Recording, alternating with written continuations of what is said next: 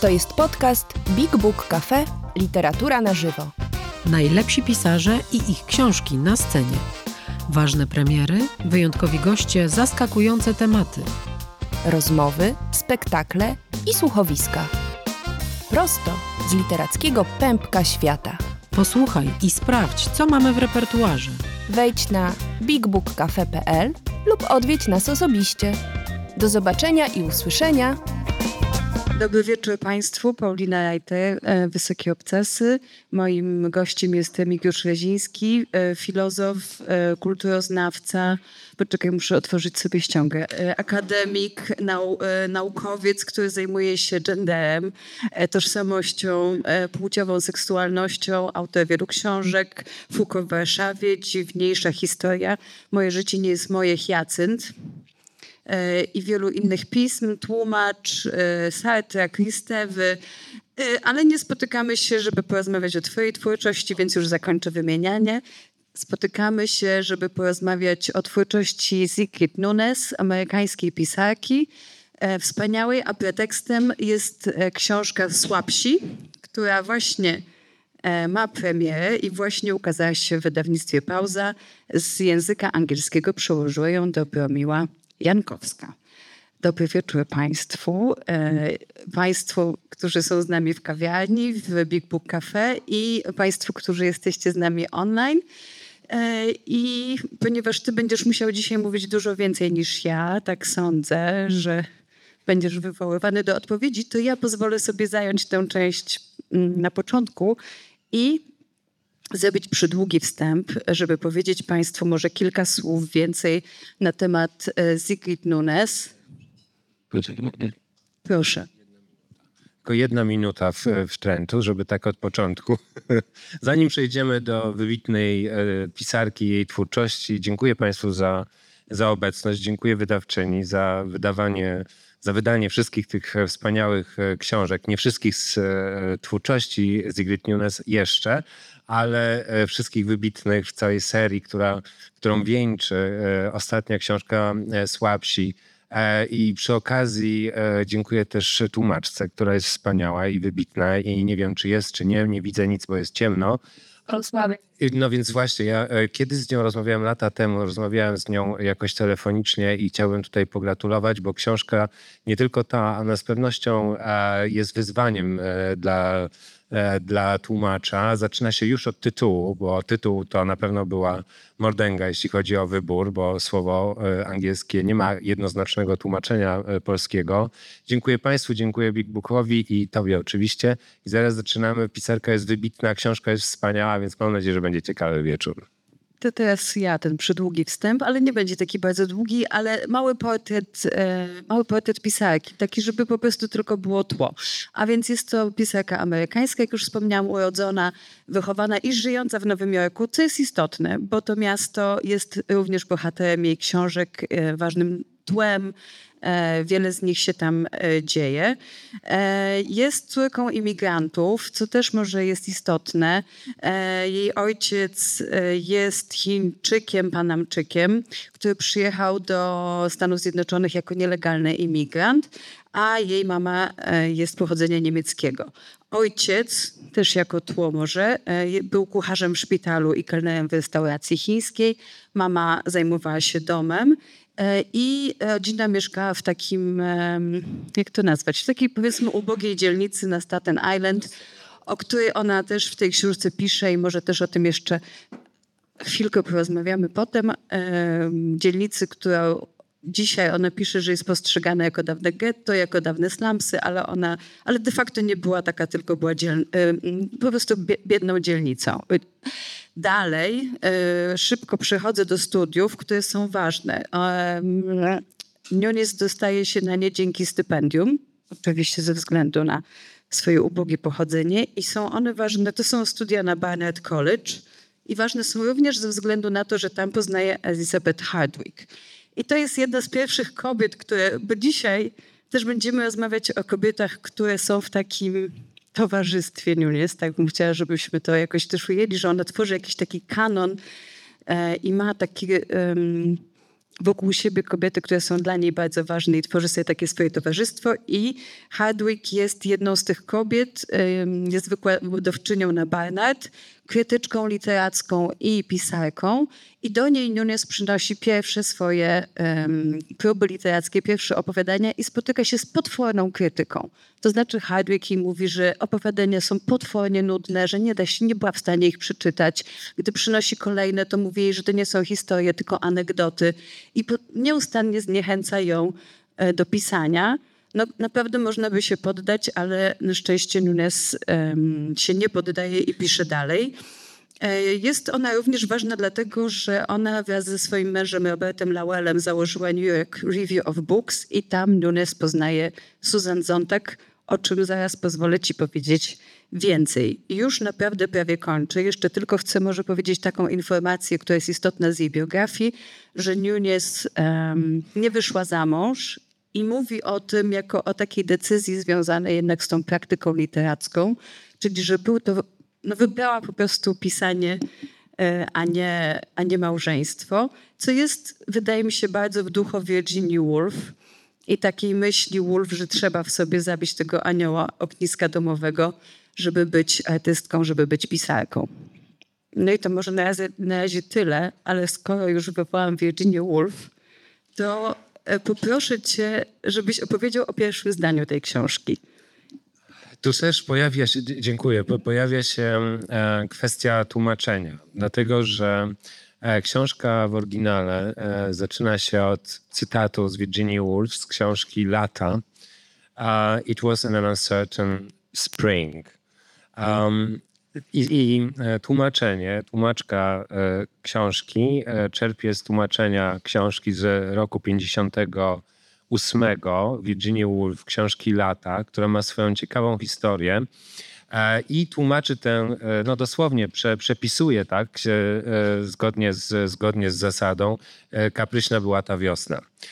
Rytm jest inny i za, znaczenie jest inne, ponieważ Nunes czerpie z, te, e, czerpie z lat Virginia Woolf i wykorzystuje to zdanie, żeby przywołać w pamięci nieodległe wydarzenie, e, które, którego wszyscy byliśmy e, świadkami i świadkiniami, czyli pandemię.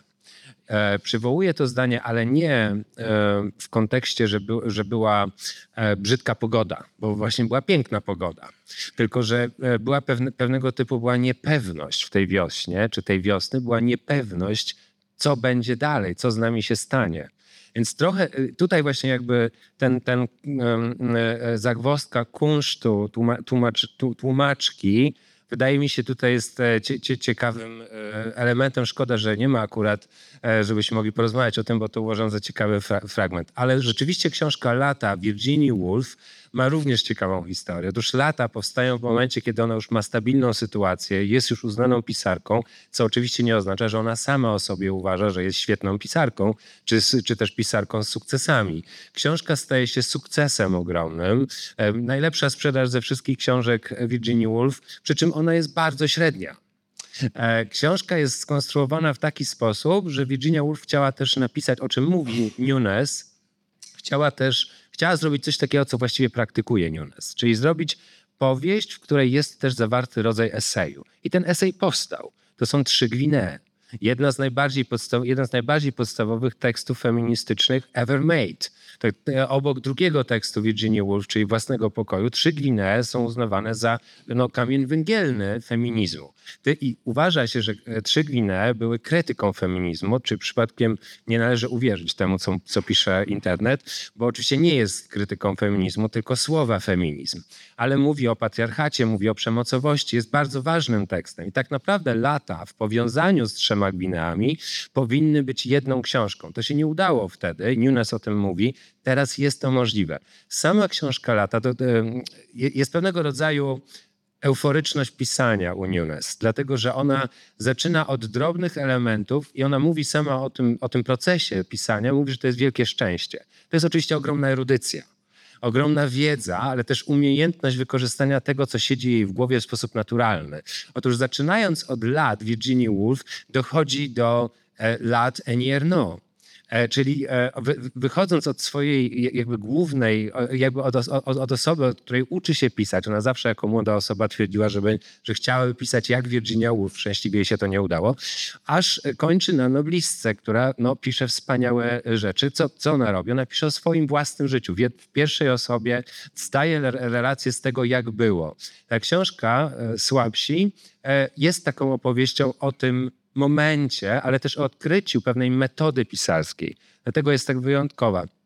I zachęcam, znaczy nie wiem, czy ktoś, jakieś wydawnictwo by to już e, słucha, ale zachęcam do wydania ponownego lat e, wraz z trzema gwineami. Myślę, że to byłoby wspaniałe wydarzenie. Ja od razu też zachęcę Państwa do tego, żeby nasze spotkanie miało charakter może trochę takiego em, klubu dyskusyjnego, a nie tylko wykładu. Czyli jeśli ktoś z Państwa będzie chciał zadawać pytanie, to proszę po prostu podnieść rękę i, i się zgłaszać i dyskutujmy o tej książce razem. Ale jeszcze e, do pierwszego zdania wracając, straszne echo, ale to chyba nie przeszkadza, mam nadzieję. Em, Jest to taka dziwna, skromna decyzja, bo jest również w tej książce przecież cały fragment dotyczący pierwszych zdań w powieściach, jak one są niezwykle ważne, jak my, jako czytelnicy, czytelniczki, delektujemy się pierwszymi zdaniami. Jak często jest tak, że to pierwsze zdanie nadaje w ogóle ton całej e, powieści, jak e, ją determinuje i jak właściwie często jest jedyną rzeczą, którą z tej powieści zapamiętujemy.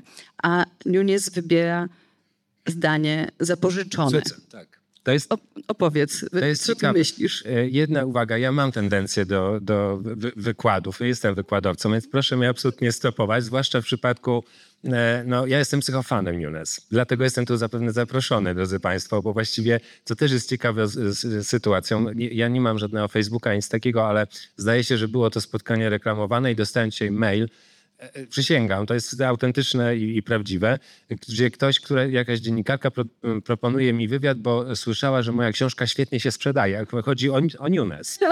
E, więc no, no chciałbym, ale no niestety, więc, e, e, więc oczywiście e, e, jestem tutaj trochę tak właśnie z, z przypadku mam tendencję do, do, do bycia wykładowcą.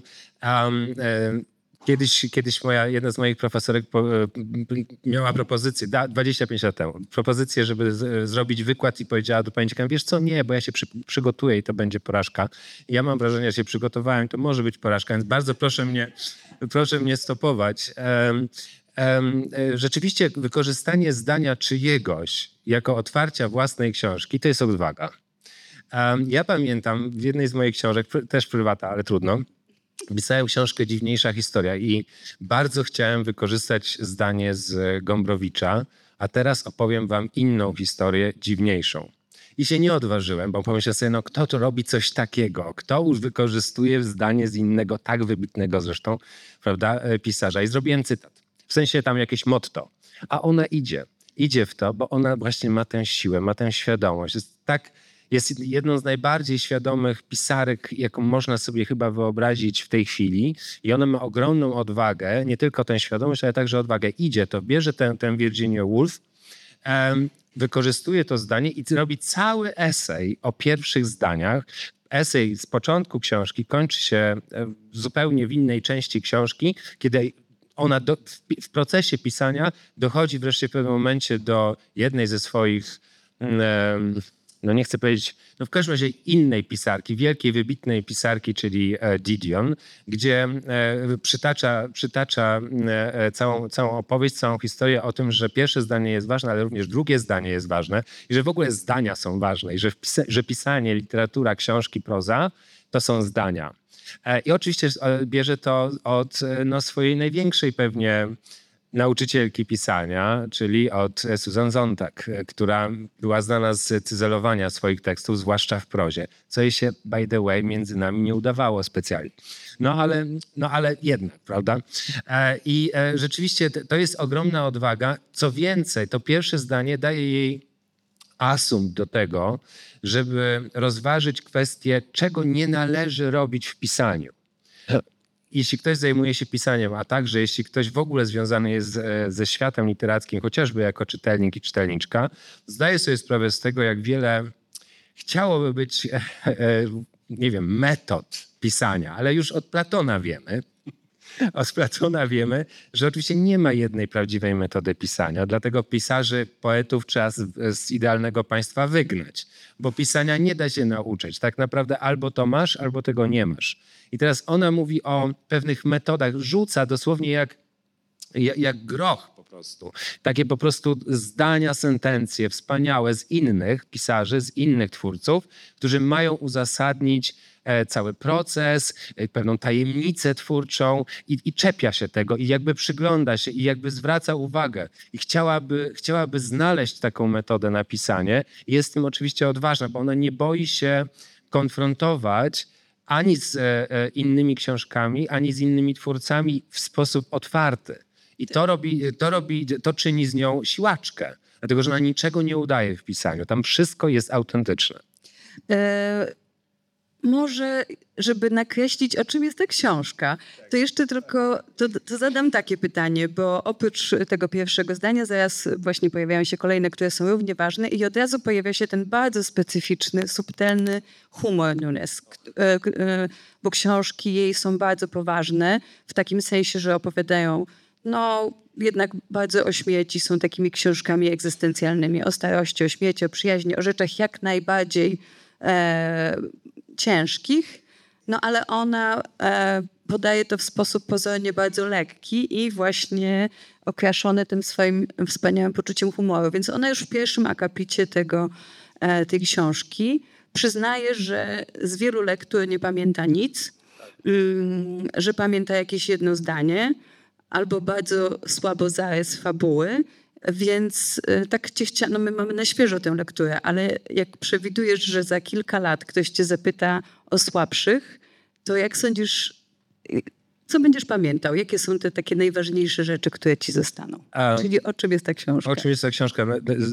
To, y, co podkreślasz, jest, szanowni państwo, niezwykle ważne. Newness jest jajcarą. Ta kobieta nie boi się śmiechu, nie boi się humoru, nie boi się żartu, śmieje się sama z siebie, jest absolutnie, jest kuglarzem, jeśli chodzi o żart, ża- o żart. Ona potrafi w tekście, który jest naprawdę ciężki czasem, momentami, e, historia, którą opowiada jest, jest z pewnością dramatyczna w wielu momentach, potrafi powiedzieć coś tak zabawnego, że e, e, rozładowuje też atmosferę, ale nie tylko. Ona, ona sama też w swojej teorii pisania twierdzi, że element humoru w pisaniu jest kołem ratunkowym. Że bardzo wiele osób piszących e, jest niezwykle przejętych aktem pisania, a że humor, humor daje, e, no, daje perspektywę i wolność i oddech. Także osobie twórczej, tej, tej która stwarza ten tekst.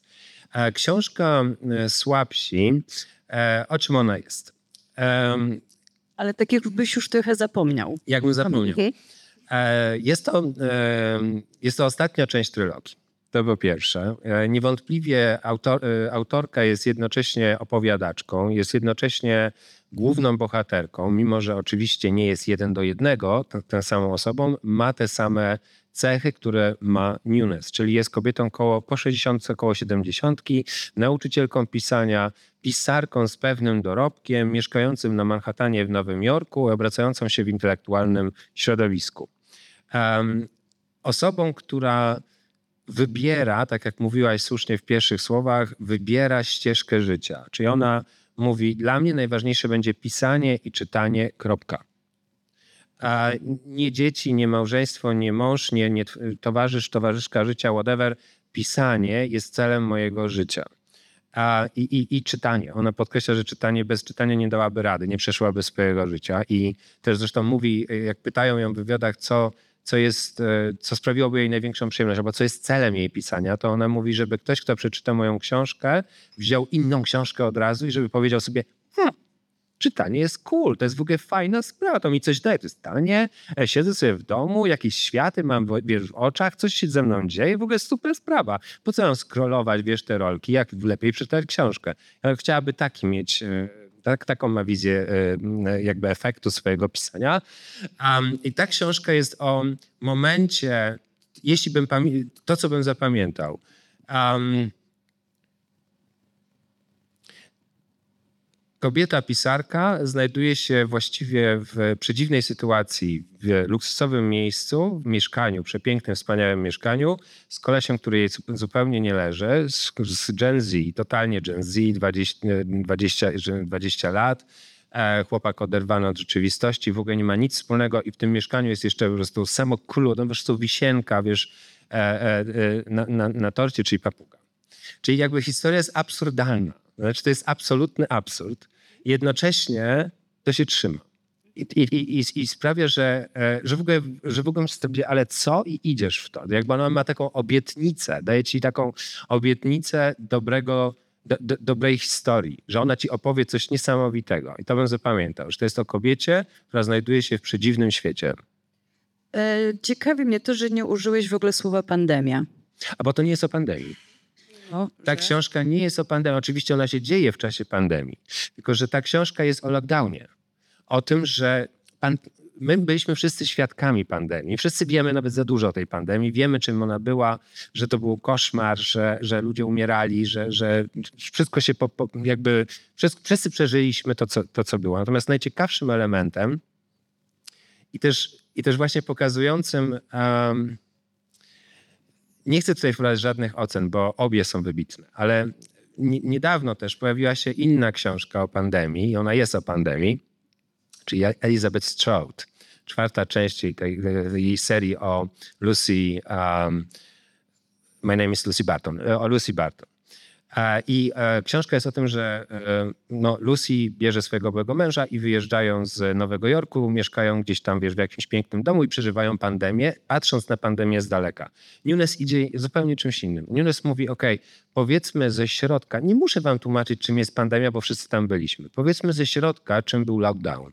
I pisze o tym, o takiej perspektywie, która na przykład jest mi bardzo bliska. Nie wiem, czy wiele osób to miało, ale że ona, ona pisze o pewnym, trochę ze wstydem to przyznaję, ale, ale też z, z, ogromnym, e, z ogromną świadomością, że to był taki czas, w którym ona mogła być wreszcie sama i wyobrażała sobie, że ten czas będzie czasem szczęśliwego pisania. To się nie udało, bo pandemia była jednak zbyt, zbyt obciążająca. Ona nie mogła pisać, miała blog i e, nie tylko ona jako autorka, ale też e, bohaterka.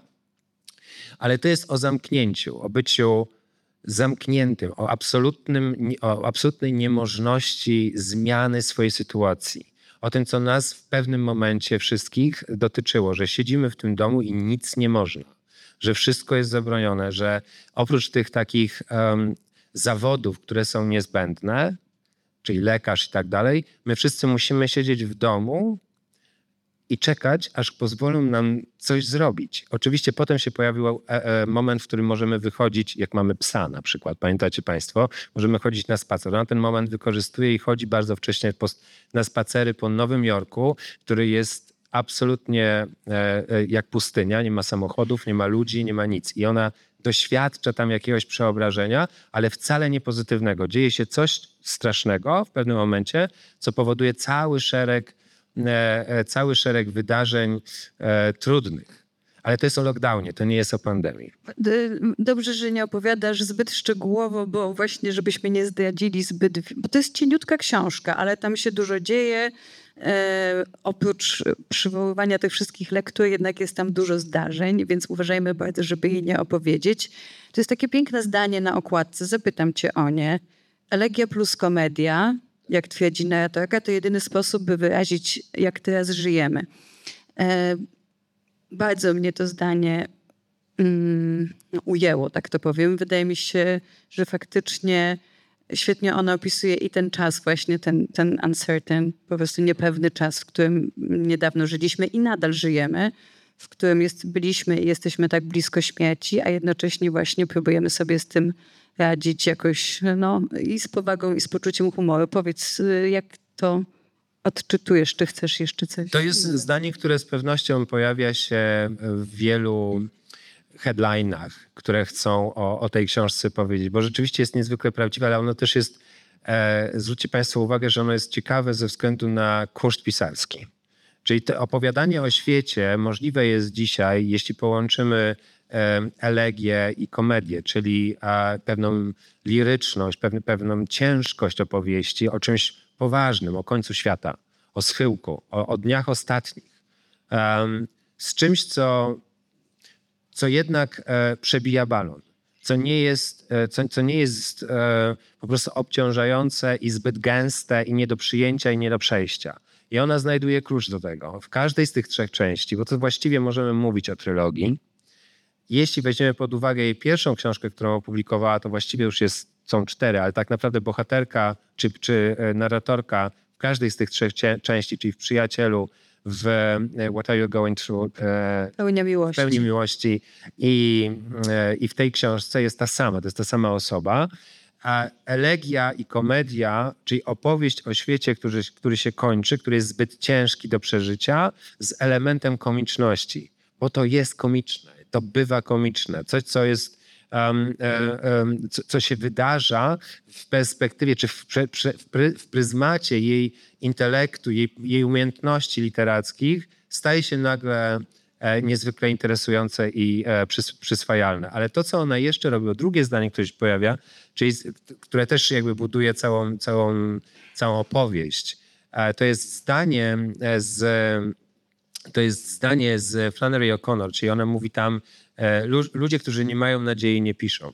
I to jest właśnie jeden z żartów. e, e, Wieści. nie piszą powieści, tak. Jeden z żartów Nunes, bo ona mówi tak, okej, czyli robi taki, wiesz, sylogizm, coś ta- taki logiczny wniosek wyciąga. Mówi, czyli tak, ludzie, którzy nie mają nadziei, nie piszą, ja piszę więc, ale nie pisze, okej, ja jestem osobą, która przyniesie wam nadzieję. Ona, ona po prostu potrafi zrobić coś takiego, że, że tak się uśmiechasz do tego tekstu. Myślisz sobie, że po prostu ona cię em, naprawdę zmusza do myślenia, a jednocześnie jest tym łagodna. To jest fantastyczny tekst, naprawdę. Em, o czym by tu teraz porozmawiać? Boję się wejść na ten temat, ale mi się wydaje, że jednak może o kobiecości i męskości na chwilę byśmy mogli wejść. Może zaczynając od kobiecości.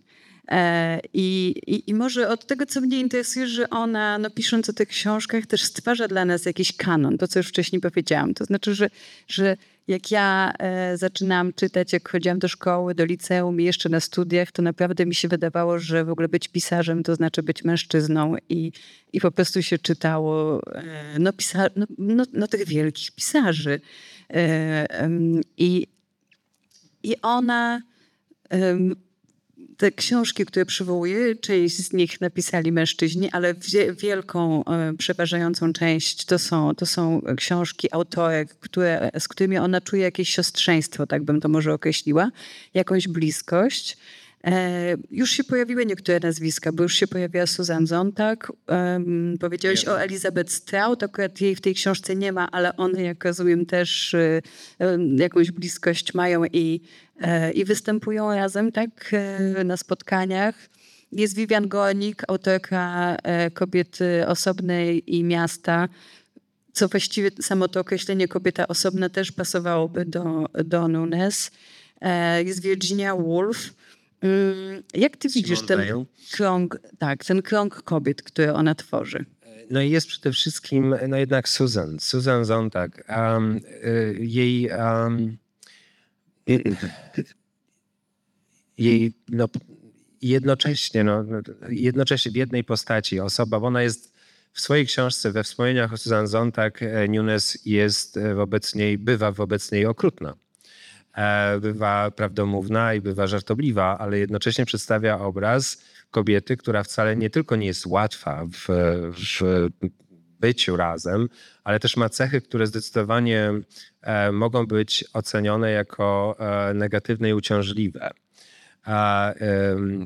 Ale o, o za chwilę. Ja myślę, że ona też w pewnym momencie w swoich książkach odwołuje się do, to chyba jest w ogóle u Zontag, u, w książce we wspomnieniach o Zontag. Mm, No bo mamy pewien obraz Zontag jako feministki. Tymczasem, em, e, tymczasem e, Nunes mówi, że ona nie tylko nie była feministką, ale ona była skonfliktowana z feminizmem. E, I kiedy na przykład e, em, Adrienne Rich napisała pewien tekst, to Susan Zontag z radością zacierała ręce, że jej po prostu pokaże, jak absurdalny jest ten tekst.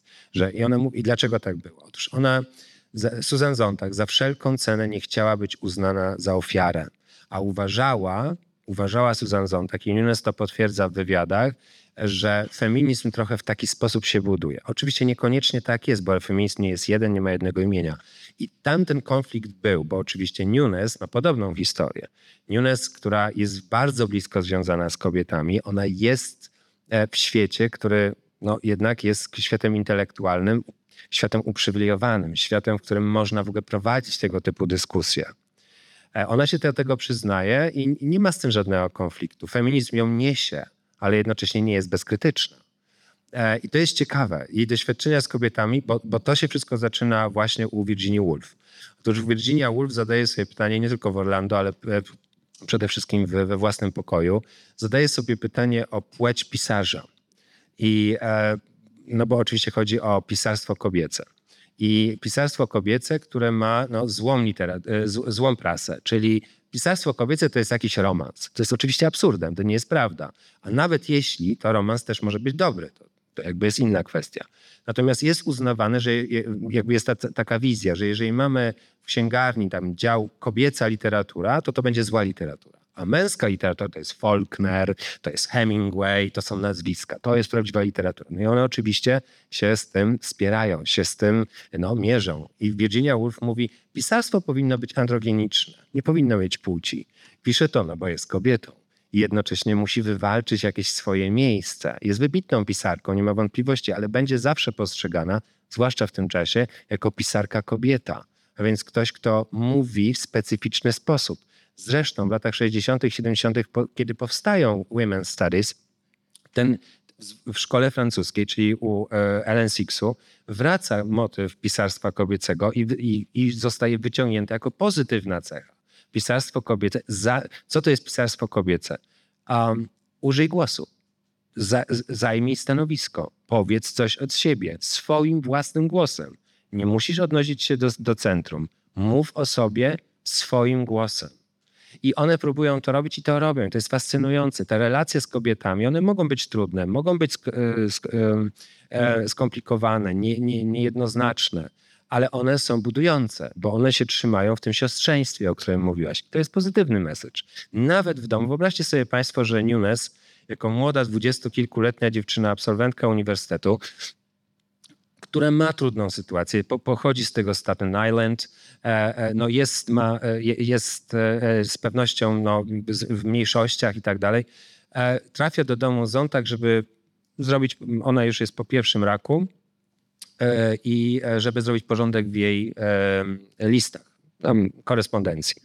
Za którymś razem pojawia się syn Zontag, David, z którym Zontag ma no, nie, niewątpliwie bardzo bliską, czasem postrzeganą jako zbyt bliską relację, niezwykle intymną, blis, naprawdę taką, że mieszkają razem, robią wszystko, jeżdżą na wakacje razem, wszystko razem. I Zontag pojawia się jako młoda dziewczyna, która się zakochuje w nim, David się w niej zakochuje i nagle zaczynają stanowić jakiś taki tak trójkąt, menaże trois. Po prostu coś, co jest niemalże, niemalże erotyczną więzią. Zresztą pojawia się też kwestia, czy ona była aby nie związana bardziej z Zontag niż z Davidem.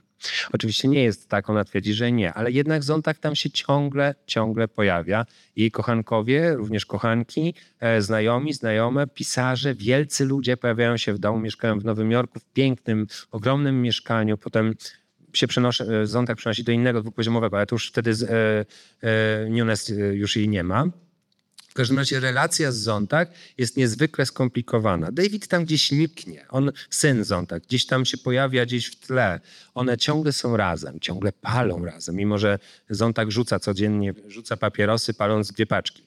Więc jakby e, e, ciągle są razem w takiej symbiozie. Zontag prze, jest prze, przemocowa wręcz, mówi, ale jak to nie widziałaś tego filmu? No to musimy iść. Jak to nie czytałaś tej książki? No to musisz przeczytać. Po co masz siedzieć bezczynnie? Czytaj, czytaj, czytaj. I, i wy, wy- wywiera na nią presję. Tam nie ma mom- momentu życia. Nikt z nich nie gotuje w domu. W ogóle nie ma czegoś takiego jak gotowanie. W ogóle nie ma takiej prozy życia. To jest przecież bez sensu. Trzeba czy, czytać i myśleć. To jest z jednej strony fascynujące, ale dla tej dwudziestokilkuletniej kobiety z pewnością jest to też no, przerażające i ciężkie. To jest Susan Zontag. Nie ma drugiej takiej. No i potem się rozstają z Davidem, są inne losy. E, Potem jest oczywiście Elizabeth Hartwig, druga, już zresztą od tego zaczęliśmy ona, Susan Zontak e, o relacji z Hartwig e, e, opowiada z ogromnym humorem. Ten tekst jest no, wręcz już kanoniczny, kiedy ona opowiada o tym, że przyniosła, wiesz, z duszą na ramieniu, przyniosła tam swoje jakieś opowiadanie, na którym siedziała, wiesz, pół roku i w ogóle była przekonana, że to jednak coś w tym jest. Przynosi to opowiadanie, ona, a Elizabeth Hartwig mówi, słuchaj, no naprawdę się starałam, no, ale to jest shit, to jest takie złe. Nudne, no, Nudne, to jest naprawdę koszmar. I ona mówi, okej, no dobra, ten, i e, próbuje dalej znowu coś przynosi. Nie, słuchaj, nie, nie, nie, nie, nie. A ona nadal. I, I dzisiaj oczywiście to wybrzmiewa jako fajna anegdotka, ale myślę, że dla tej młodej kobiety między takimi heroinami to było ciężkie e, doświadczenie. Mhm. Strasznie spojrzałam na zegarek niestety i w ogóle jest okropny, jak czas nieubłaganie płynie, ale jeszcze mamy czas, jeszcze mamy, tak? Ale em, jednym z ulubionych rozdziałów, może powiemy jeszcze, jak ta książka jest zbudowana, bo to nie jest klasyczna powieść, to jest ta powieść esej, ale i żeby jeszcze bardziej rzeczy skomplikować, zbudowana z dużej ilości, no właśnie tych em, anegdot, których, e, które, które Hartwig odradzała, żeby ich nie pisać, bo nie są historią, ale Nunes to robi. Nieustannie jakby tą swoją opowieść przerywa kolejnymi anegdotami, które wspaniale ją uzupełniają, no ale też tak trochę no, są po prostu jakąś tą wewnętrzną opowieścią bohaterki. Jedną z tych anegdot, jedną z tych scen, którą widzimy, genialną, chyba moją ulubioną w ogóle w tej książce jest spotkanie przyjaciółek, e, które, e, ja rozumiem to tak, w- pisze esej de facto, ale e, robi to w sposób właśnie właściwy dla siebie, czyli dowcipny i wkładając przeróżne tezy, antytezy e, i pomysły na temat, o którym pisze, w usta różnych kobiet. E, Dodatkowo te wszystkie kobiety mają specyficzne imiona. To zaraz mi wytłumaczysz, dlaczego tak jest, jeśli wiesz, a może podejrzewasz. Mm, No i tematem tej rozmowy jest właśnie relacja z męskością, czyli że mężczyźni jednak to, wypowiada to jedna osoba, to jednak są ci odważni, którzy mają się opiekować słabszymi. I to wyzwala dyskusję na temat ewentualnego świata bez kobiet, roli mężczyzn, roli kobiet. Um, zawieszę głos, oddaję ci głos. Jak umawialiśmy się na spotkanie, to Ale nie, no. Nie, nie, no dobrze, ale jak umawialiśmy się na to spotkanie, w książce jest jeden fragment o um, seksie kinky. Um, I zastanawiają się dziewczyny, kobiety, przyjaciółki, które się tam spotykają, e, dlaczego właściwie używa się e, słów kluczy na przerwanie jakiegoś doświadczenia, zamiast powiedzieć po prostu stop albo przestań. No i dochodzą do wniosku, że nie można powiedzieć po prostu stop albo przestań, albo koniec, dlatego że to może być e, potraktowane jako e, no, synonim czegoś e, odwrotnego, czyli stop znaczy idź dalej. No więc jakby, no niekoniecznie to możemy tego, tego te- to jakby zrobić. W związku i, i, i grunt się robi już grzęski. Grząski. To już, już czujecie, panie i państwo, że już się robi gorąco, więc my, jest pada tam e, jakby cała jest dyskusja na temat tego, jakiego słowa należy używać. No i jedno z tych słów to jest czerwony. Jak się krzyknie czerwony, to to znaczy koniec. Ale one się zastanawiają, jak to czerwony, a dlaczego nie zielony? Właściwie czerwony właściwie to właściwie jest zachętą. Czerwony, miłość, seks, no i tak dalej. To I idzie czy tyle. nie może znaczyć coś innego niż czerwone? Dokładnie. I dokładnie. No jak Ale rozmawialiśmy, to jak... że jak zaczniemy mówić o, o konfliktach płci, to wtedy ten bezpie- safe, safe word, tak? bezpieczne słowo, po- po- cze- czerwony, że jakby przerwijmy, bo naprawdę może być już niebezpiecznie. Ale Nunes się tego tematu, drodzy Państwo, nie boi. I robi to nie tylko a, wspaniale pod względem literackim, ale też sensownie. Ona nie boi się. Tam poda- Słuchajcie, ja, ja przeczytałem w pierwszej, jak tylko wyszła ta książka, to od razu pierwsze, co zrobiłem, ściągnąłem sobie Audible. Um, I jak tylko doszedłem do momentu, w którym po, pojawia się to zdanie, które teraz Państwu powiem, to myślę, nie no, po prostu to jest, to, to, no, to, no nie no, kto ma taką odwagę? I ona mówi tak, dzisiaj powstanie Madame Bovary i Anny Karenin byłoby niemożliwe ponieważ przedstawienie białego heteroseksualnego cisgenderowego mężczyzny jako pozytywnej postaci jest po prostu niemożliwe. I myślę Jesus, to będzie, to będzie koszmar. No bo mamy wizję jakiejś takiej toksycznej męskości, która wiąże się rzeczywiście z tym symbolem, prawda, białego, heteroseksualnego, chrześcijańskiego, dobrze wykształconego, middle class, mężczyzny cisgenderowego, który jest po prostu dziadęgą, opresorem. W związku z czym powstaje taka, taka stylizacja także w literaturze i także przez mężczyzn, że kobiety są właśnie intele- intelektualistkami, są wybitne. Nagle się stawia na coś zupełnie innego niż w literaturze XIX-XX wieku. Rodzina nie jest twoim celem, dzieci w ogóle, w ogóle gdzieś tam z tyłu, tylko kariera, tylko budowanie swojej osobowości. Nagle się, nawet mężczyźni autorzy robią coś takiego. Jedyna literatura być może gejowska, e, typu właśnie Cunningham, który też wychodzi, może gdzieś jeszcze jest do uratowania, ale mm, e, no więc e, i Nunes się z tym mierzy. I Nunes mówi, ale słuchajcie dziewczyny, pierwsza rzecz, robimy bukiet. Ona, to jest cudowna, cudowna absolutnie metoda. Jeżeli jesteś osobą piszącą, zwłaszcza literaturę, e, prozę, fiction, bo jak non-fiction to w ogóle nie ma problemu, no bo każdy ma jakieś imię, jakby luz. Ale jak piszesz fiction, to nagle w języku polskim, ale także jak się okazuje w każdym języku, nadanie imienia twojej bohaterce i bohaterowi jest trudne. No Ania z Kasią umówiły się na kawę.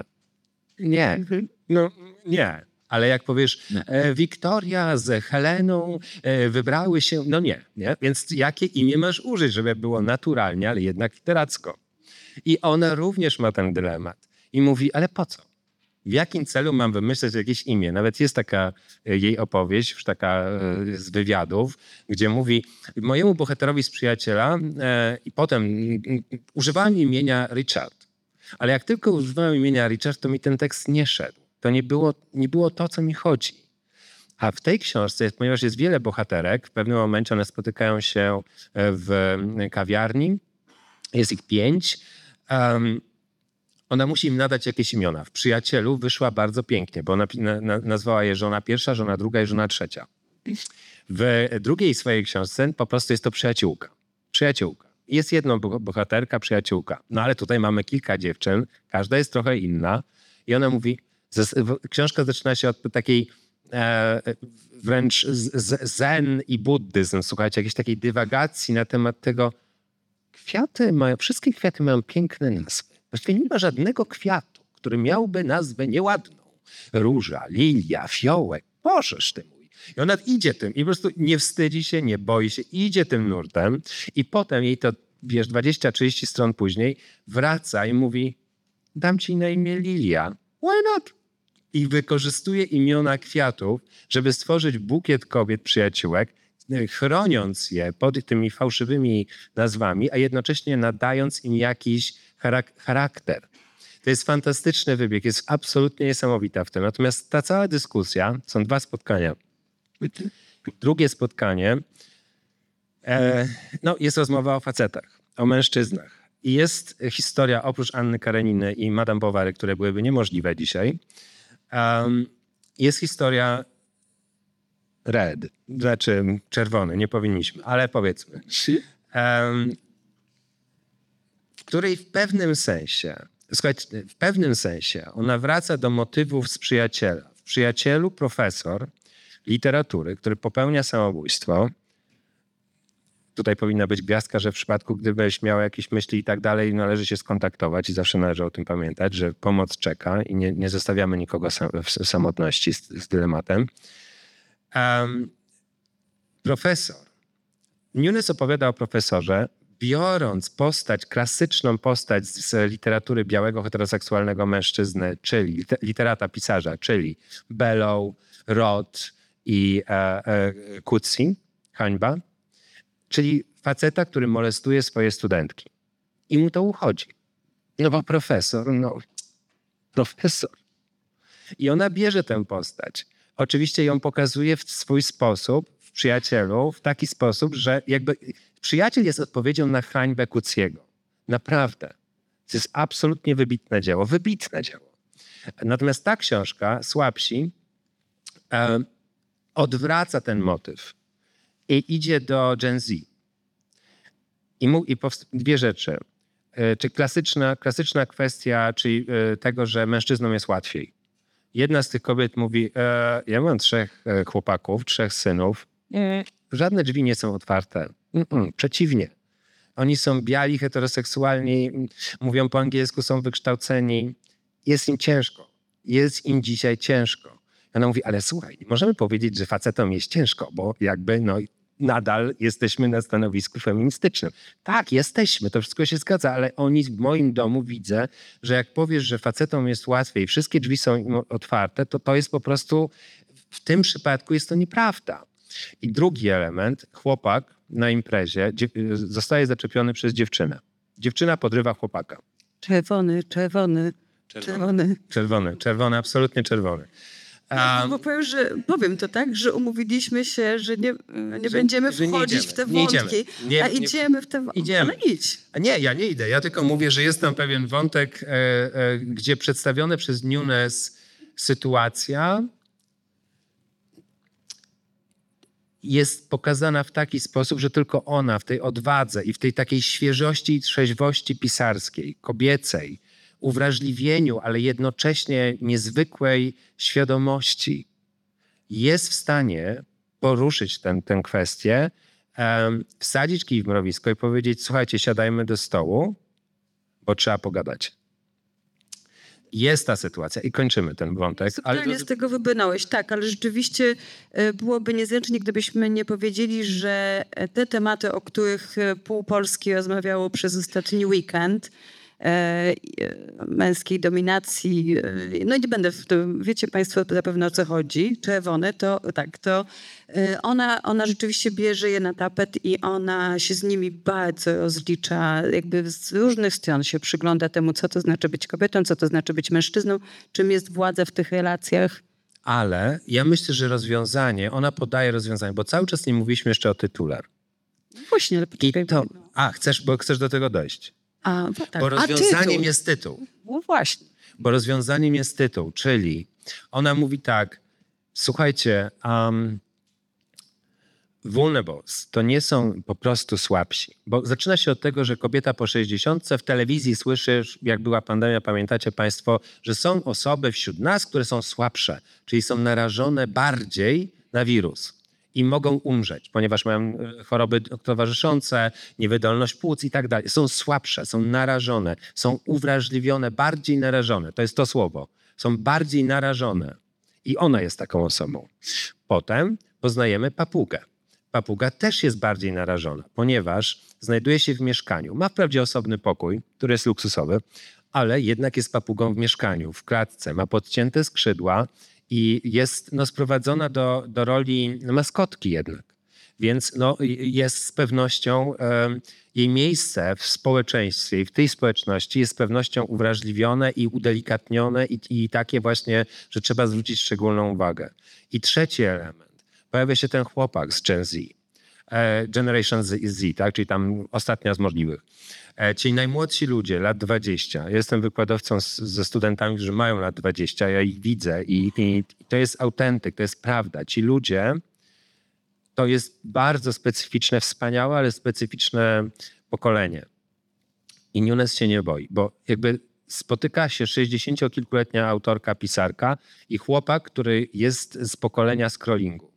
Tak? Cały świat jest w komórce. Wszystko. Relacje międzyludzkie są w komórce. W ogóle nie ma czegoś takiego jak spotkać się. Wszystko jest w komórce. Wszystko, cała wiedza, cały świat, informacje, e, e, kom, komunikaty, e, ale jednocześnie też, wiesz, spektrum tej wiedzy, tak? Czyli w twojej rolce znajduje się i za, i przeciw. I to jest ta sama wartość. Jak ja przed, przed wy, wyborami pytam, czy wy w ogóle rozmawiacie między sobą o wyborach? I oni mówią, "Mm, nie, to, co było w telewizji przedstawione jako lek przed Konfederacją, wśród tych dwudziestolatków nie ma miejsca. Oni nie mają czegoś takiego, oni mają tego typu myśli, ponieważ dla nich wszystko jest rolką. I to jest fas fascynujące z, filozoficznego i socjologicznego punktu widzenia. I ona się z tym mierzy. I na koniec okazuje się, że ten chłopak, który jest przedstawiony negatywnie na początku, czyli o nic nie dba, e, rzuca tam wszystko, wiesz, e, tam jakieś Bez coś tam... spoilerów. Proszę? Bez spoilerów. Tak, ale jest... Na koniec coś się okazuje. coś się okazuje i okazuje się, że ścieżką porozumienia jest otwartość, nie ocena. Nie oceniaj, tylko bądź otwarty na historię tej osoby. Pozwól się spotkać w połowie. I tam gdzieś pojawia się jakaś nadzieja, że ten chłopak ma również coś do powiedzenia, że wyrzucenie tego e, e, dzieciaka z kąpielą to jest błąd, że ten świat jest inny, ale jest wartościowy, że negatyw, jednoznacznie negatywna ocena nie prowadzi donikąd, że jeżeli chcemy zmienić świat, to musimy się spotkać na poziomie vulnerability, tak? czyli tej nie słabości, tylko szczególnego uwrażliwienia dla wszystkich. Dla nas, dla mniejszości, ale także dla tych, którzy nagle zostali postawieni w pewnym spektrum. To jest bardzo ciekawe. Nie wiem, czy to było jasne, no ale chyba wybrnęliśmy z czerwonego. Tak, wybrnęliśmy, wydaje mi się. Może jeszcze dwa tematy takie rzucę okiem, na które, które jest... Przepraszam, że tak zagaduję. ale- Dobrze mówisz. E, dwa tematy, które chciałabym poruszyć. Pierwszy to przyjaźń. E, te trzy książki z tej antologii, e, właściwie wszystkie opowiadają, mają ten motyw przyjaźni w sobie. Łączy je to, że główna bohaterka jest poproszona o przysługę. Kłopotliwą przysługę w każdej z nich. E, I w ogóle to jest takie pytanie też, czy my jako właśnie przyjaciele, czy my jako ludzie, jak mamy się zachowywać w takiej sytuacji, kiedy ktoś nam takie kłopotliwe prośby składa, żebyśmy mu towarzyszyli. No właśnie nie chcę za dużo zdać, ale powiedzmy towarzyszyli w, przy śmieci, jak jest w pełni miłości, czy zajęli się ogromnym psem, jak jest w przyjacielu po śmieci przyjacie, przyjaciela, czy jak jest tutaj, że mamy się zaopiekować papugą. E, powiedz mi trochę o tej koncepcji przyjaźni w tych książkach, ale też może od razu wykorzystam to e, o zwierzętach, o naszej relacji przyjaźni też może właśnie ze zwierzętami, które naprawdę są ważnymi bohaterami Nunes. To ja zacznę od przyjaciół, bo to jest e, zabawna anegdota. W jednym z wywiadów Nunes, e, w każdej z tych książek pojawia się rzeczywiście jedna z głównych bohaterów, osób bohaterskich jest jakieś zwierzę. Przyjacielu jest to ogromny pies, dog niemiecki. Cała historia z dogiem niemieckim jest To się inaczej nie, nazywa. inaczej? To się Taki nazywa wielki pies. Arlekin. A, a, dog Alvlekin. E, bywają rzeczy poruszające i, i naprawdę, wiesz, heartbreaking, ale też zabawne z tym psem. Kiedy on na przykład patrzy i po prostu cię ocenia, albo, jest, albo wchodzi do łóżka i mówi i, i tak dalej. Więc jak to są zabawne rzeczy. Drugim pojawiają się koty. Dwa przynajmniej. Z czego jeden, Lewi. E, Znaczy, no jest pewna wizja tego, jak mówi. Opowiada swoją historię. E, A w trzecim no jest papuga. Papuga no jest no, jakby, je, jakby w naszej wyobraźni przynajmniej, no jest, co to jest papuga? To jest papuga, która naśladuje ludzki głos, więc jakby odpowiedzią na ludzki głos, na pewne sformułowania, tak? E, No i oczywiście każdy z nas, no, nie wiem, przekleństwa, jak mówi, czy, czy papuga odpowie. Te trzy, to są trzy metafory relacji ze światem natury, oparte na pewnej więzi intelektualnej. W jednej z wywiadów, to jest prześmieszny moment, jak traficie kiedyś na YouTubie na to, to po prostu naprawdę można po- po- popłakać się ze śmiechu. Ona mówi tak, wiesz, ja się zastanawiałam kiedyś jako pisarka, wiesz, a co jest właściwie bardziej odpowiednie dla pisarza, wiesz, no czy to jest pies, czy to jest kot, czy ja jestem cat person, czy jestem dog person. I mówi tak, nie, no ale wiesz, no ten pies, nie, no, pies to nie. Dlaczego nie? No bo pies to po pierwsze on cię zabiera z domu, a ty masz siedzieć na, i pisać. A taki pies, to on ci każe wyjść. Patrzy na ciebie tymi oślepiami, wiesz, i ciągle mówi po prostu cały czas od ciebie po prostu czegoś żąda. I Nunes jest świetną aktorką, ona cały czas to, on to robi, jak ten pies się zachowuje. I mówi w końcu tak, i, sobie, i pies, jak ty już coś napiszesz i przeczytasz temu psu, nie? Ten fragment, no to pies co zrobi? Powie, no, najlepsza na świecie, jesteś moją cudowną panią, jesteś pisarką, no, no to jest nic, chodźmy na spacer. to jest pies, no więc dog person nie. Kot. No z kotem też jest problem, bo wiecie państwo, co kot powie. Mm. Kot, kot nic nie powie, kot powie, mm, nie, teraz nie. Teraz nie. Więc też niekoniecznie, i też prędzej, dlatego że kot przynajmniej jest ciężarem. Skoczy ci na, na, na kolana, no i no wiesz, wiadomo, że kota nie zrzucisz, nie? No sorry, ale to są kosmici, e, Egipt, tak? No nie, nie da się, no. No i papuga, papuga też jest super, bo pierwsze spotkanie Nunes, znaczy bohaterki z papugą, ona wchodzi w luksusowe mieszkanie, wiesz, cudowne, Manhattan, wielkie okna. Papuga ma własny pokój. Mnóstwo roślin, namalowanych fotel, na którym siedzisz i podziwiasz papugę. Papuga daje się podziwiać.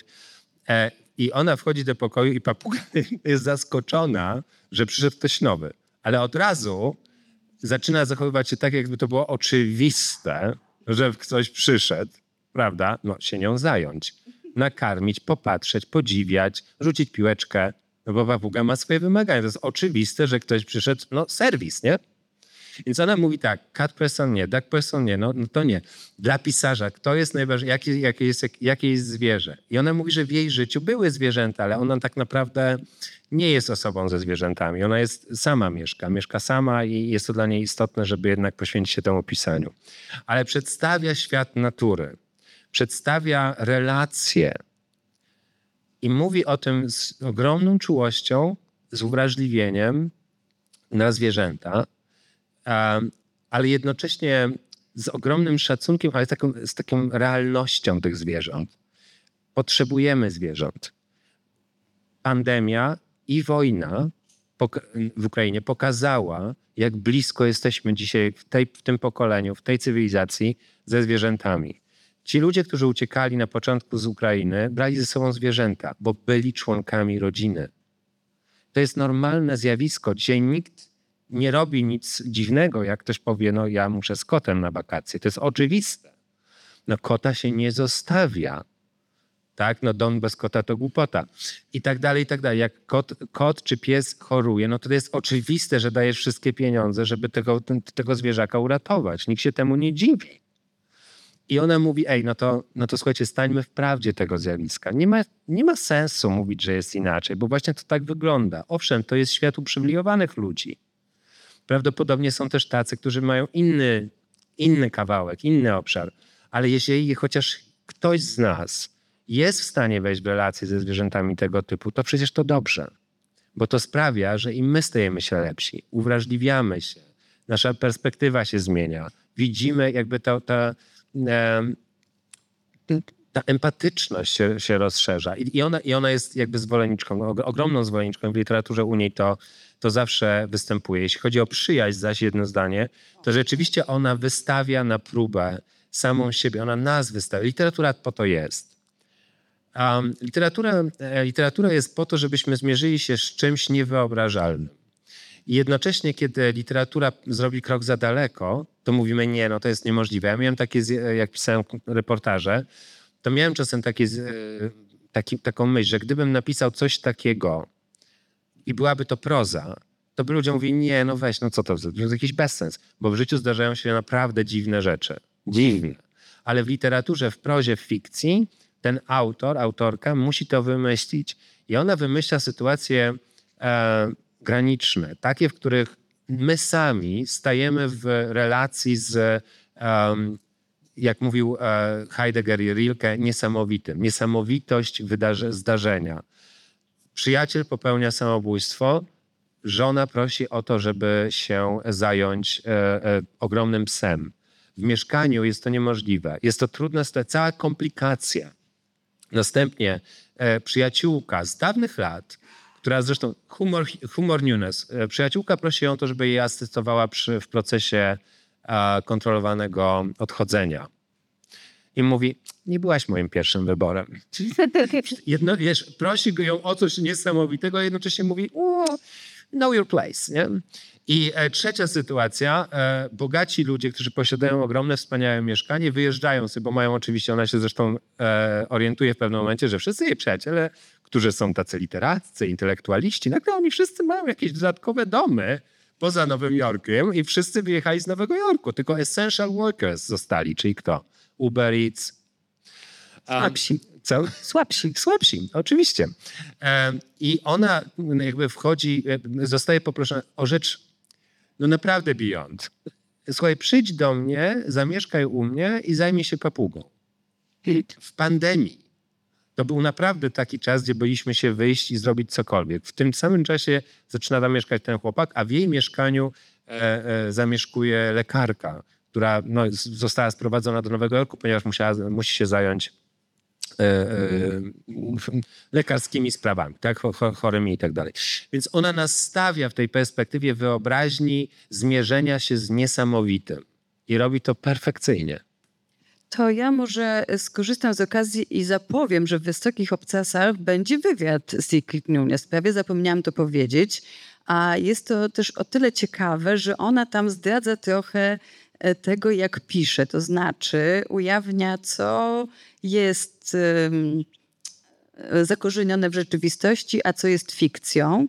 E, I ja też chciałam jedną anegdotę o psie w takim razie, jeśli można, bo w e, świetnym tekście e, o Zygmunt Nunes, który był w New York Timesie, ona jest przywołana taka anegdota, jak odwiedziła ją Vivian Gornik e, i no to jest e, tak, właśnie pokazuje na czym polega ten proces pisarski, czyli Vivian Gornik podczas jednego ze swoich słynnych spacerów po Nowym Jorku zawija do Nunes, spotyka się z nią pod jej domem i mówi, naprawdę pozwolili ci tutaj trzymać tego psa? A Nunes mówi, jakiego psa? No bo oczywiście ten pies, w sensie d- Gornik nie była w stanie w ogóle wyobrazić sobie, że psa nie było, że nie było doga Arlekina, że nie ma papugi, że być może nie ma kotów.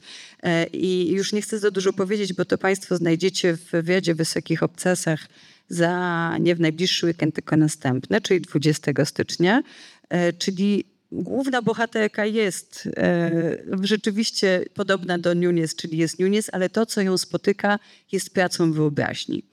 Ym, I ostatnie pytanie ci zadam, zanim zadam ci pytania od publiczności. A ostatnie ode mnie chciałabym, żeby było opisanie, e, bo już dużo o pisaniu mówiliśmy, ale Nunes zamyka tę, ważne są początki i ważne są końce książek. I na końcu przytacza słowa Rilkego, które wiszą, zaznacza nad jej biurkiem. Zaradziłem coś na strach. Siedziałem całą noc i pisałem.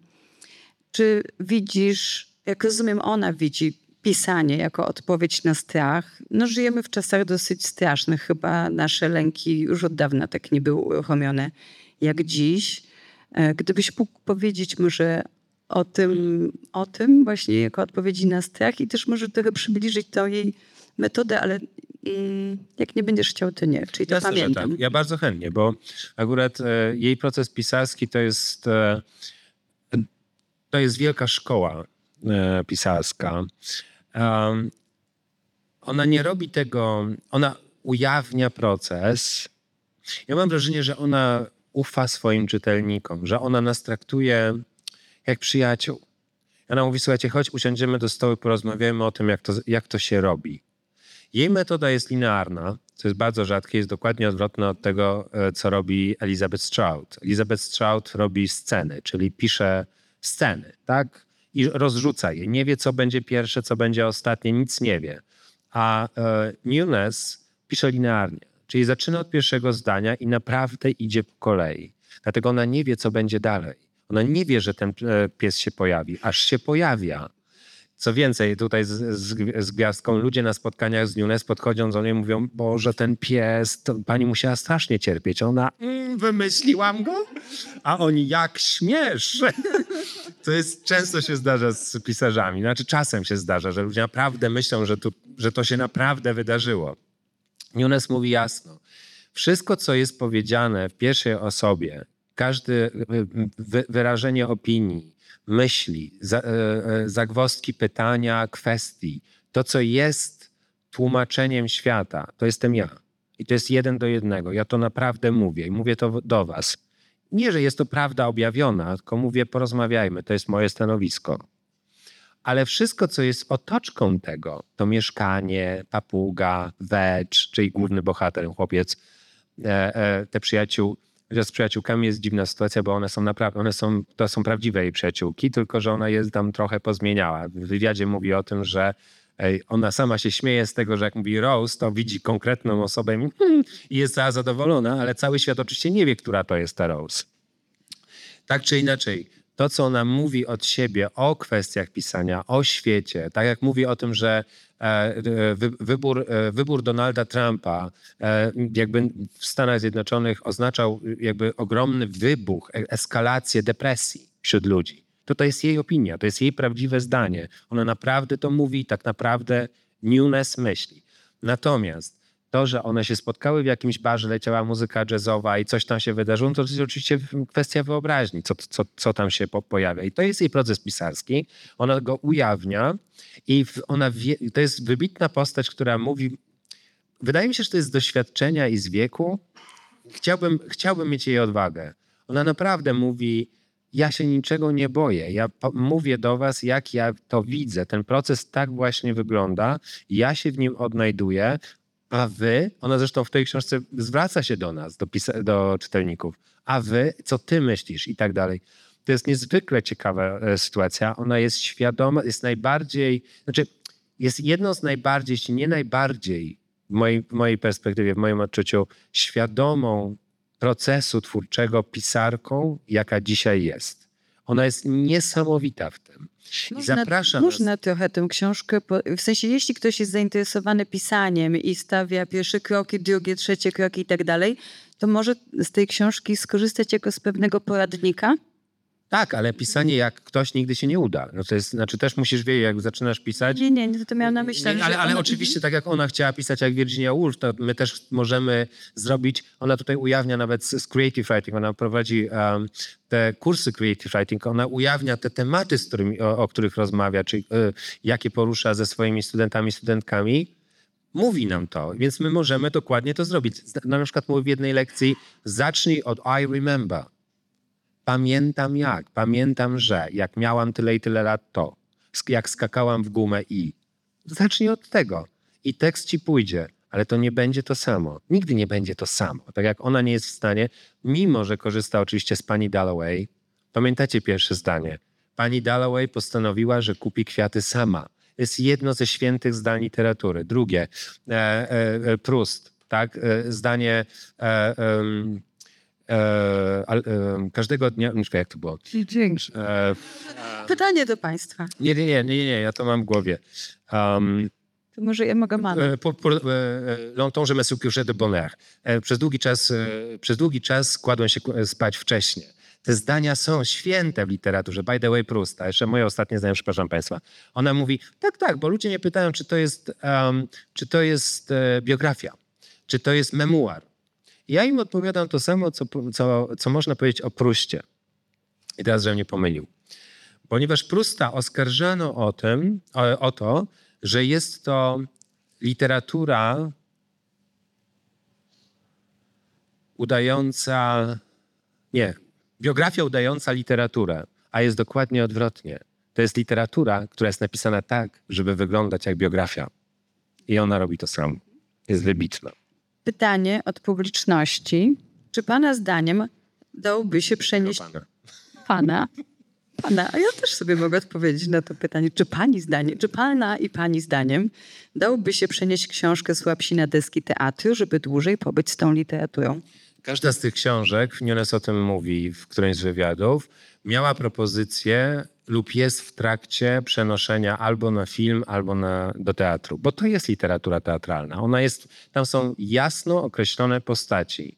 Możesz stworzyć takiego bohatera, bohaterkę i świetnie pokazać no, interakcje, relacje, ogień, intymność te, te, tego, co, co, A ta książka szczególnie zdaje się być, bo to jest, jest w lockdownie, więc właściwie jest, y, większość dzieje się w mieszkaniu. w mieszkaniu właściwie jednej przestrzeni, Tak. że jest znakomita. Tak, nadaje się jak najbardziej. Nunes jak najbardziej jest, jest e, do filmowania. Ostatnie chwile i teraz e, jest czas na pytania państwa, albo jeszcze jeżeli są jakieś z internetu, już nie ma. Zachęcam, żeby skorzystać z okazji i żeby zadać pytanie.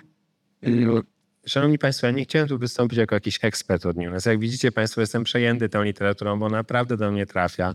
Jakby było spotkanie o drugiej mojej ulubionej amerykańskiej pisarce współczesnej Elizabeth Strout, również byłbym tak nakręcony, ponieważ jest wspaniała. Spotkanie, słuchajcie, w, w Nowym Jorku odbyło się spotkanie, rozmowa Elizabeth Strout i e, Sigrid Nunes w grudniu bodajże. I ja naprawdę z moją najlepszą przyjaciółką em, naprawdę mieliśmy pomysł, jedźmy tam, no, lećmy na to spotkanie, bo trzeba to było spotkanie płatne, wiesz, samolot w ogóle, wiesz, godzina, sp- wyobraźcie sobie na jednej sali Elizabeth Strout i Zygmunt, Nunes rozmawiając o, o pisaniu. To po prostu musiało być coś tak wybitnego. Nie ma tego w internetach, może za jakiś czas będzie. E, Ale, ale naprawdę, naprawdę warto zapoznać się z tą literaturą. To jest naprawdę świetne pisanie. Świetne pisanie. Wiecie, co tam jest? Wartością tej książki jest autentyczność i prawda tekstu. Niczy, zero krea- kreacji, ze, zero sztuczności, zero jakiejś gry z czytelnikiem. To jest takie prawdziwe, bliskie, um, przyjacielskie. Ono cię zaprasza do dyskusji. Naprawdę, naprawdę świetne. Em, To może ja dodam tylko jeszcze, że to jest dziewiąta powieść Nunes a dziesiąta książka w ogóle, tak. i jeszcze nie wszystkie zostały przetłumaczone, Właśnie. więc jest jeszcze nadzieja na to, że bez pisze. i Nunes pisze. Już pisze? Jeszcze jest nadzieja, że dostaniemy, dostaniemy kolejne. O, wspania- wspaniała wiadomość. Niko? Że to jest w Polszach, jedzie do Włoch, będzie napisała. Wspaniale. Nunes uwielbia, uwielbia e, wyjazdy i to się nazywa takie e, re- rezydencje. Rezydencje i uwielbia to. E, Su- Susan Zonta- Zontag nigdy. I zawsze mówiła, ty w ogóle do jakichś Włoch jedziesz, w ogóle jakieś, jakieś rezydencje. Idź po prostu do hotelu. No Susan e, jak pisała swoje rzeczy, chodziła do hotelu, zamawiała, wiesz, te kanapki tam, wiesz, tego i sobie siedziała po prostu w hotelu i pisała. A, ale też bardzo lubiła, jak ludzie patrzyli, jak ona pisze i bardzo potrzebowała ludzi. A, Zont, a Susan, a e, Nunes, no, jak większość z pisarzy, no, potrzebuje odosobnienia i ciszy. I takie rezydencje dla niej są e, no, niezbędne. Pozdrów po prostu, jak będziesz miała jakąś okazję i powiedz, że po prostu hołdy tu składam, bo po prostu naprawdę jest wspaniała. Czy są pytania? Jeśli nie ma, to w takim razie jeszcze tylko powiem, że książkę można, książka się właśnie ukazała, dopiero co jest świeżutka. Można ją kupić, bardzo zapraszam do tego. Można ją kupić tutaj, można ją kupić online. Wydawnictwo Pauza. Wydawnictwo Pauza, dziękujemy Anicie Musiałku. Cała seria, ja mam e, wszystkie oprócz tej, bo mam tylko na, na Kindlu. Wszystkie one są absolutnie świetne. Przyjaciel to jest Booker. Zontak dostała Bookera za w Ameryce. Dobry. A co jest... E, tak, tak, A tak. w ogóle o tym nie porozmawialiśmy, już nie chcę otwierać nowego wątku, ale tylko zaznaczę, że ciekawa jest również ona jako pisarka, dlatego że ta kariera jest późna. I, Mówi się, znaczy, że jest późno, no, bo to jest po 40. Tak. 40 z pierwszą nagrodą, jak miał 67 lat, więc to też jest ciekawe, ale nie wchodzimy to. Wiele wątków, które jeszcze można śledzić, wiele tematów, które warto. No, zachęcamy do czytania. Bardzo dziękuję. Moim Bardzo gościem był Bardzo Reziński, Paulina Rajter. Dziękuję za przyjście, dziękuję za oglądanie. Dziękujemy. Big Book Cafe to centrum innowacji literackich założone przez Fundację Kultura Nie Boli. Tworzymy 200 wydarzeń w roku. Prowadzimy wege kawiarnię i księgarnię pełną dobrych książek. Big Book Cafe. Żyjemy czytaniem.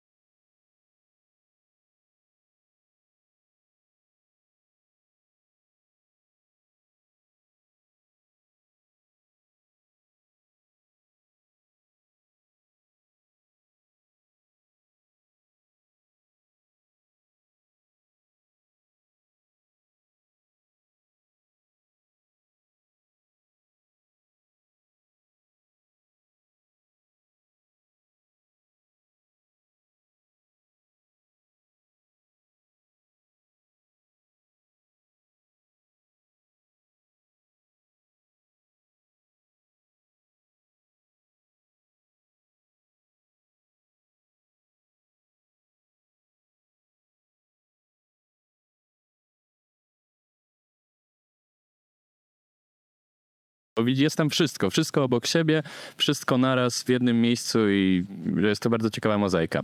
Ale tak z, z personalnego doświadczenia, jak chodzę po, po tym mieście, które bardzo lubię, od jakiegoś czasu je bardzo lubię, to mam wrażenie, że właśnie jest wszystko wszędzie naraz i że to nie opowiada jakiejś takiej jednej spójnej historii, że te części które, miasta, które opowiadają różne historie, są strasznie przemie- przemieszane, strasznie przemiksowane.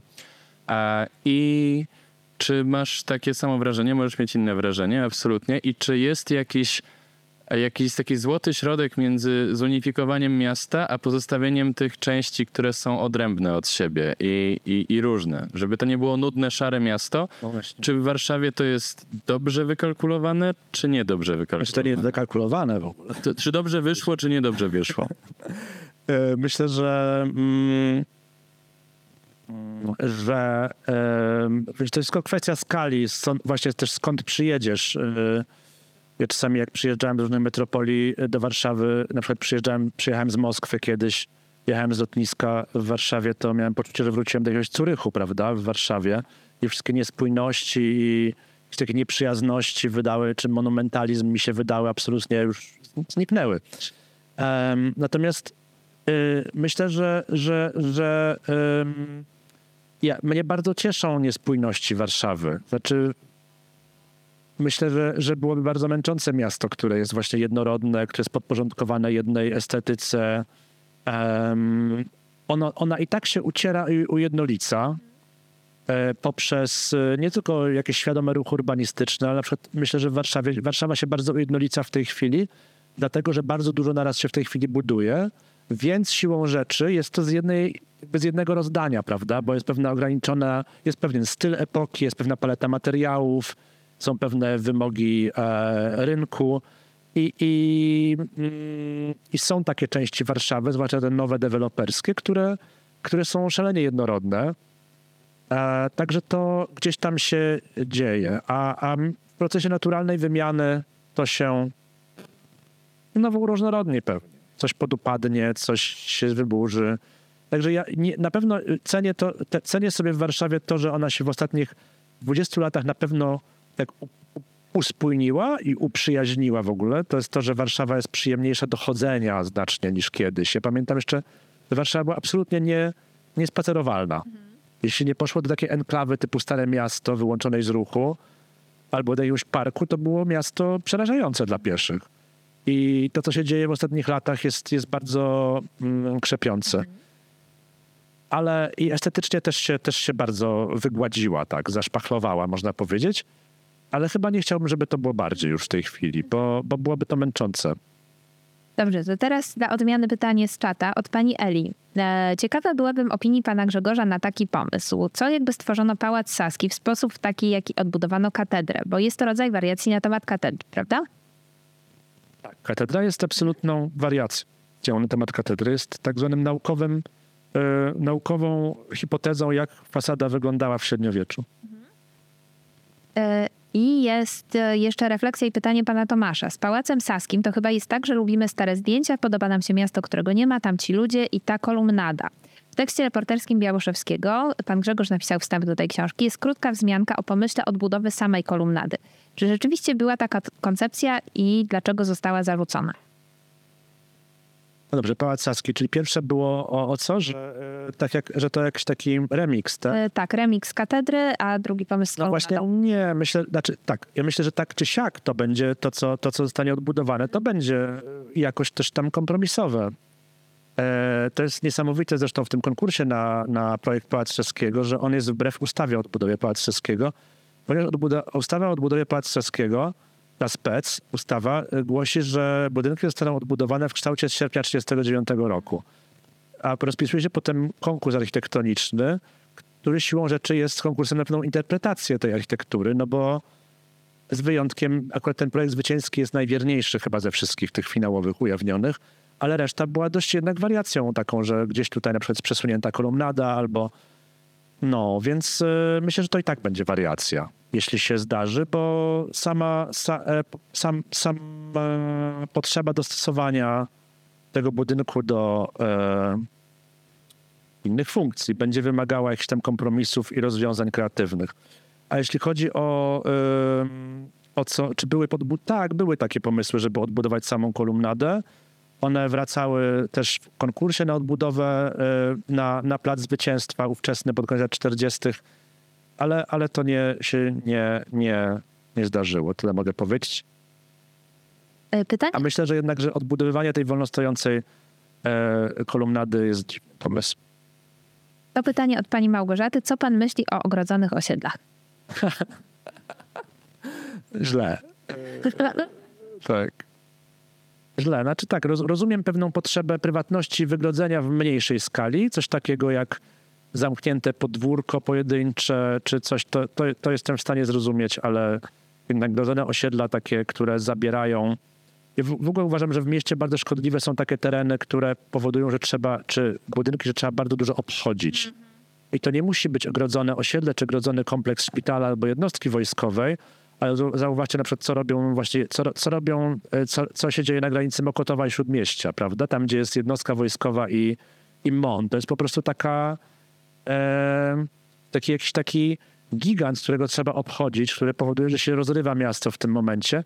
Pałac Kultury też jest takim, takim czymś. Po prostu jest takim słoniem, którego trzeba obchodzić. Wydaje nam się, a, to jest zaraz za Pałacem Kultury, to, to będę za 5 minut Tak. i jest minus 10 i wiesz, docierasz szczękając zębami do połowy gmachu i już minęło 5 minut.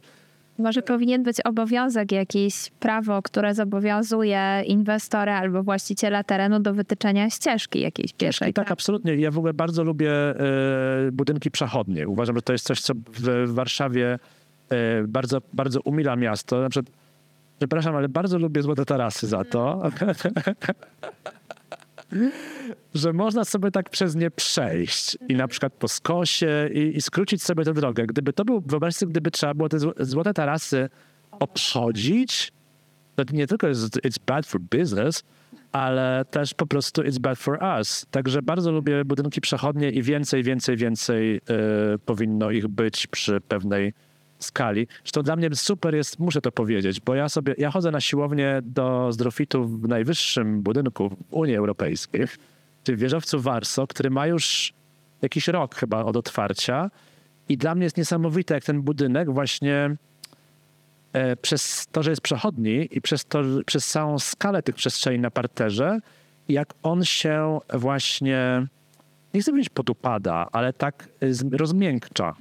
Że ponieważ dużo ludzi tam się przemieszcza w duże strony, w różne strony, jest on absolutnie, te przestrzenie są za duże, żeby je, zbyt rozczłonkowane, żeby dało się jakoś tak patrolować i bardzo, widzę, że tam dużo ludzi przychodzi usiąść sobie się ogrzać, Albo ptaki latają już jak na centralnym, wiecie, wr- wróbelki latają i skaczą ludziom po talerzykach w Cafe Nero. Wiecie, że to jest niesamowite, że to robi się taka skala, oczywiście jest to prywatne, jest to e, no, pod nadzorem, ale jakoś takie się robi, właśnie się tak wplata. I myślę, że im więcej powstanie dookoła kolejnych budynków, przejść i tak dalej, tam coś na Chmielnej się buduje jakiś apartamentowiec, będzie jakiś pasażyk kolejny, tym bardziej ten budynek, on jest teraz jeszcze nie na szlaku, prawda? Też jest zamknięte to przejście do dworca centralnego, cały czas podziemne. Super. Uważam, że, że, że tak się powinno w centrum miasta te klocki budować, żeby się dało przez nie przechodzić. Od pani Weroniki. Czy pan Grzegorz mógłby się odnieść do tego, co powstaje i co to ma być przy Towarowej 22? Domu Słowa Polskiego. Em, Nie, nie, ja nie, nie znam dokładnie tego projektu, więc nie będę się. Mam jakieś ogólne pojęcie, że tam. e, Ale jest pewną wartością e, to, że e, budynek Domu Słowa Polskiego był bardzo ładny i trochę go tam, trochę go żałuję. E, Ale e, był właśnie taką zoną w mieście. Był zamkniętym terenem, przez który się nie dało za bardzo przechodzić. Był takim zawali drogą. A bardzo mnie cieszy, że w tym planie, który przyjęto tam dla tego terenu, tam będzie taka szachownica, będzie tak, no właśnie, wiecie, dziewięć pól mniej więcej, dziewięć kwartałów, w tym zielony w środku, taki skwer, że znowu to będzie kolejny kawałek, kawałek śródmieścia, który będzie przechodni. Bardzo też to lubię w browarach. Nie, lub, nie lubię browarów jako przestrzeni. Yy, właśnie ona jest dla mnie taka za bardzo wymanikurowana, za bardzo wymyślona, wyreżyserowana, taka właśnie jest taka sztuczna róż- różnorodność, że te budynki są w różnym stylu, ale one są z jednej ręki, w jednym czasie powstały. Mm, Wszystko jest takie dla mnie za bardzo tam po, e, poukładane, ale ale wróciła ulica Krochmalna, prawda, która przez browary, bro, bro, jakie jeszcze były browarami, nie przechodziła.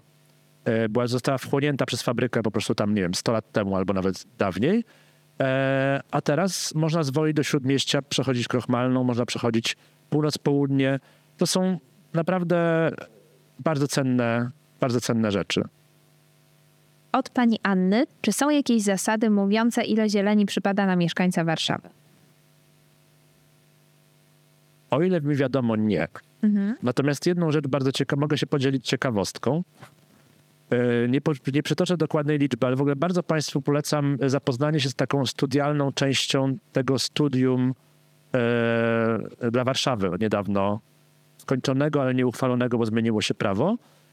Tam zostały przeprowadzone bardzo ciekawe studia na temat tego, jak Warszawa dzisiaj funkcjonuje, właśnie różnych współczynników e, i takich nawet, które przedtem nie brano pod uwagę przy planowaniu za bardzo, takich na przykład odporność na katastrofy, czy odporność, klima, odporność klimatyczna. Ta- Tam są te ładne mapy, jak się, które części miasta się przegrzewają, które są narażone na powodzie i tak dalej. I do czego zmierzam? Wyszło, że największy współczynnik e, zieleni miejskiej na mieszkańca jest w dzielnicy Śródmieście.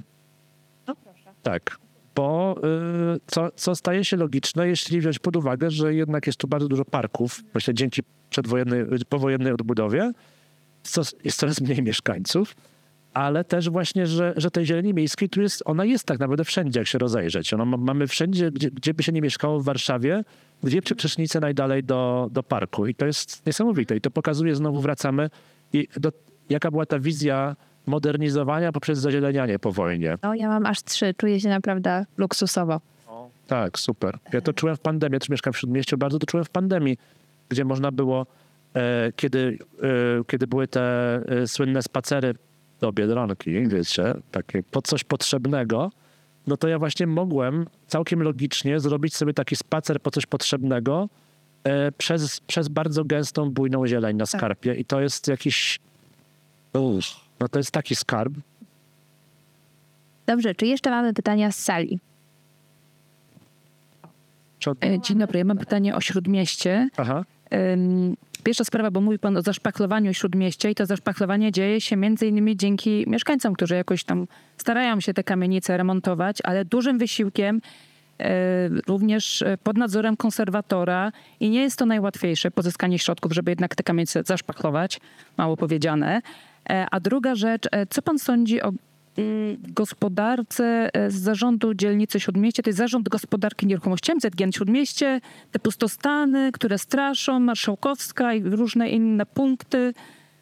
Co pan o tym sądzi? Bo to trochę, czy, czy Śródmieście jest jeszcze tak naprawdę dla mieszkańców, czy już raczej nie? E, Punkt pierwszy, ja zdaję sobie sprawę, jakie to są trudne sprawy, bo ja sam mieszkam w zabytkowej kamienicy i wiem, ile kosztują remonty. E, I nie wiem, elewację chyba zrobimy, jak będę na emeryturze.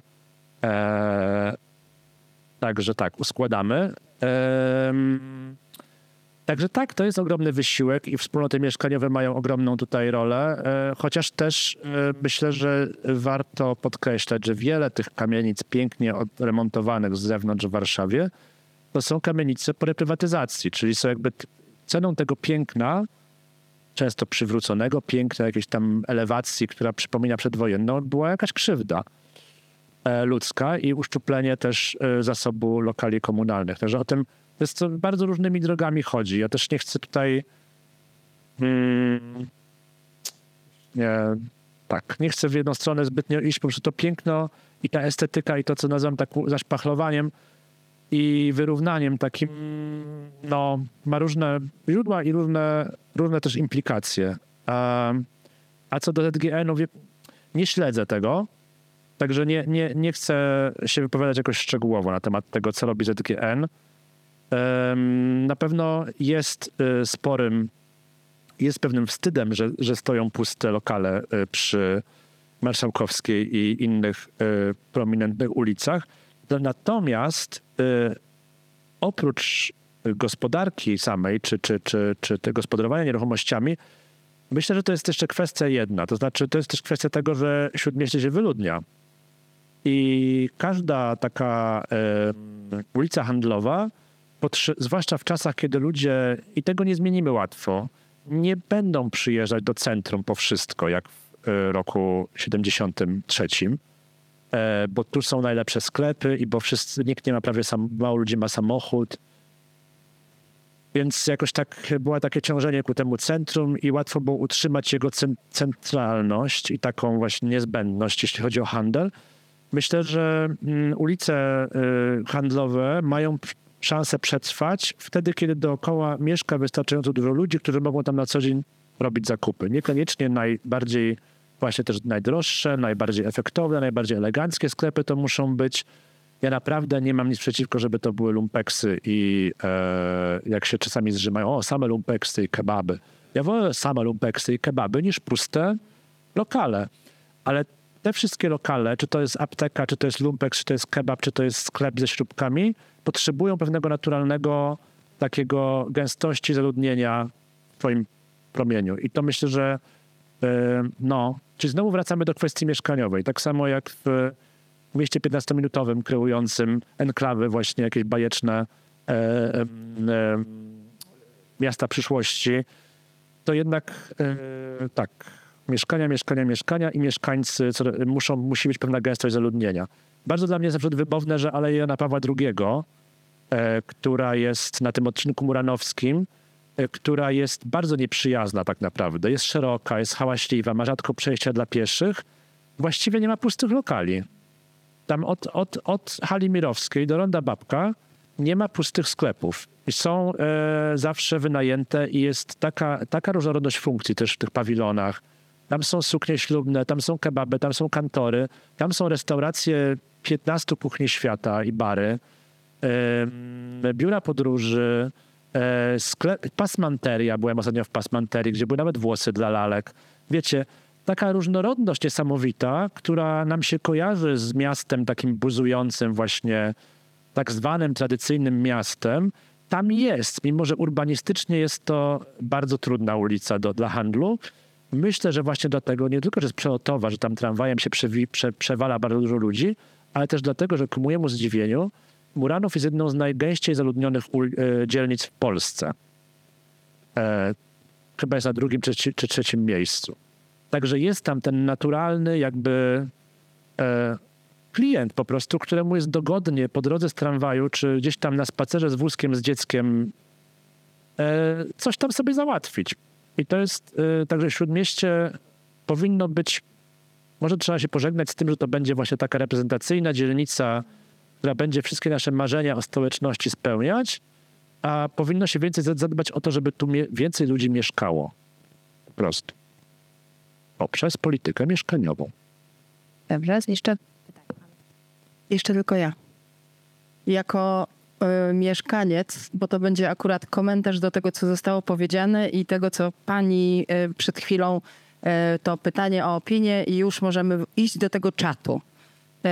I teraz tak, jako mieszkaniec Nowogrodzkiej na rogu z parkingową, co jest ogromnym wyzwaniem i przysięgam, że tam coraz mniej się chce mieszkać e, ze względu na ilość e, rozbawionej młodzieży każdego pochodzenia i w każdym wieku.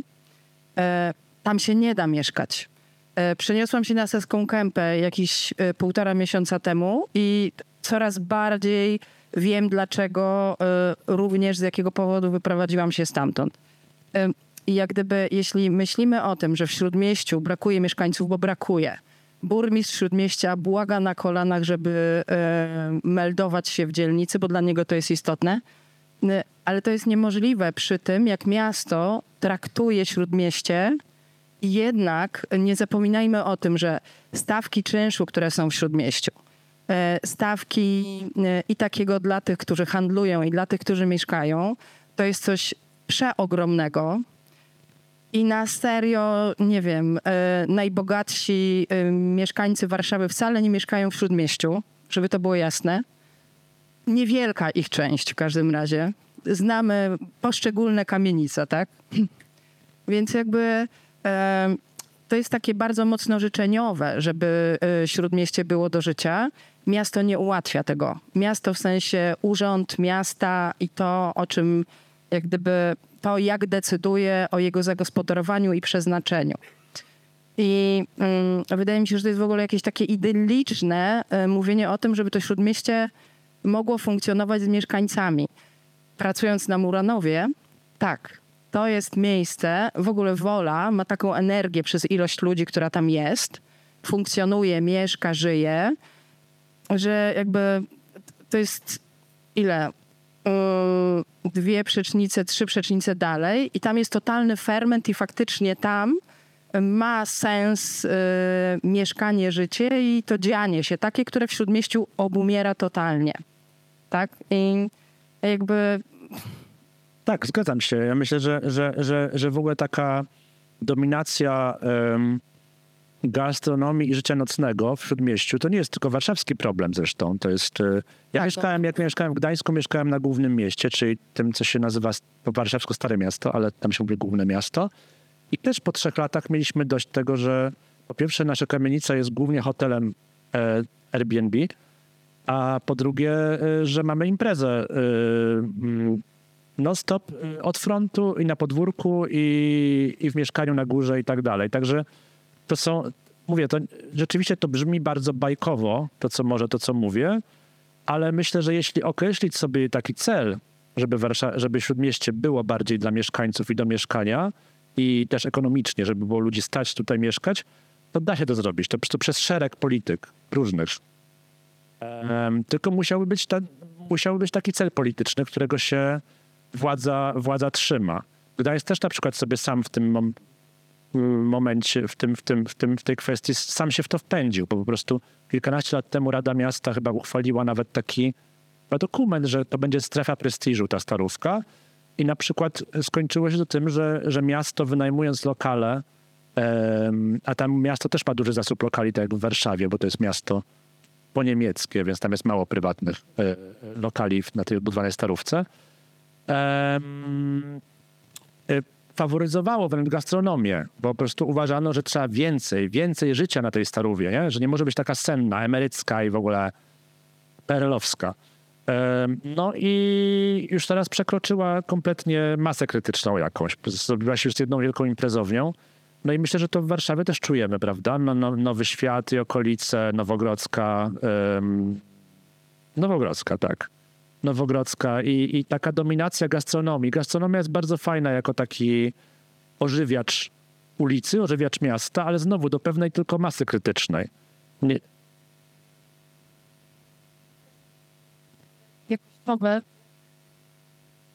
nie, nie bez transmisji. E, chyba chodzi też o to, żeby pojawiła się jakość, tak? W tym e, super, miejmy gastronomię, ale to, to, jest jakby. Mnie bardzo ucieszyła pandemia, że ona wykosiła po prostu tą gastronomię taką, wiecie, śmierdzącą, którą mijamy na co dzień i na pewno nie jecie tam, przysięgam. E, głowę dam odciąć, że po prostu w niejednej budzie z zapiekankami na pewno nigdy byście nie zjedli, a one wyrastają i to jest, i to jest właśnie śródmieście, tak? Ze świecą tego szukać w innych miejscach e, naszego miasta. No po prostu. Dobrze. Czy jeszcze mamy pytania z sali?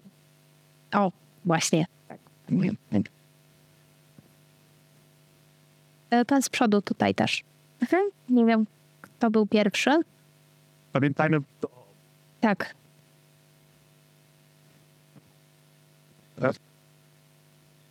Y, Ja chciałem wrócić do tego zagadnienia miejskiego garażu. Tak mi się wydaje, że tym garażem największym dzisiaj jeszcze jest Praga Północ. Mhm. I pytanie, czy, czy w ogóle wi- widzisz szansę na to, żeby. Bo jest pewne, że ta dzielnica się zmieni bardzo szybko i bardzo. I czy widzisz szansę, że zmieni się mniej w kierunku takiego modelu jak na kamienicę na Foksal, a bardziej w kierunku czegoś jak berliński Kreuzberg na przykład. I coś fajnego. I z zachowaniem chociaż części tego klimatu, który jest tam dzisiaj. A nie wiem, wiesz co, mnie tak klimat bardzo nie... Uważam, że... Znaczy klimatem w innym sensie się przejmuję. E, w tym podstawowym.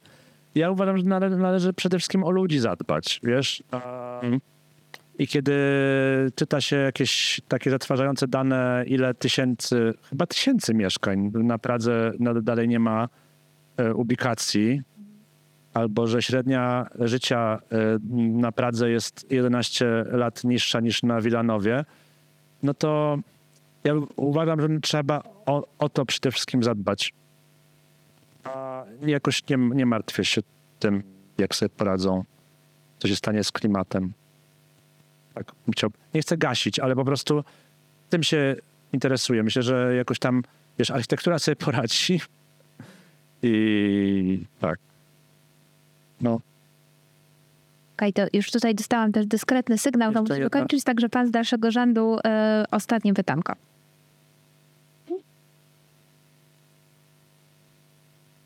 Dobry wieczór. Ja mam pytanie, które mi przyszło do głowy, kiedy pan wspomniał o browarach. To znaczy, chciałem się szerzej właśnie spytać o pana opinię na temat no nie tylko browarów, ale ogólnie tych przestrzeni postindustrialnych typu też elektrownia po Wiśle czy, czy Norblin, bo mam takie poczucie trochę, że trochę poszliśmy też w drugą stronę z rewitalizacją tych miejsc i one się stały zbyt elitarne. No, tutaj też przykład taki z elektrowni po Wiśle, gdzie to było głośno chyba rok czy dwa lata temu, gdzie część mieszkańców była oburzona tym, że tam Biedronka się wprowadza. I, właśnie chciałem się spytać o opinię na temat takich miejsc. Tak, to jest ciekawe, co się stało z tymi modelami. Zresztą y, hala koszyki jest obok. I Pamiętam, że byłem bardzo jakoś taki, może nie oburzony, ale tak uważałem, że to jest takie właśnie bardzo wiesz, wycyzelowane i plastikowe. A dopiero jak poszedłem do elektrowni po Wiśle, to, to bo tutaj, bo te koszyki jednak zachowały jakąś taką ludzką e, skalę w tym wszystkim. A tam widzę taką maszynę mm, konsumpcyjną i bardzo dużo zbudowane jest od nowa, prawda? Tak to jeszcze cały czas wygląda jak scenografia, prawda? Norblin też ma ten problem. Także architektoniczne te rzeczy mają różną jakość. Myślę, że browary są, są, są warsztatowo architektonicznie naj, najszlachetniejsze.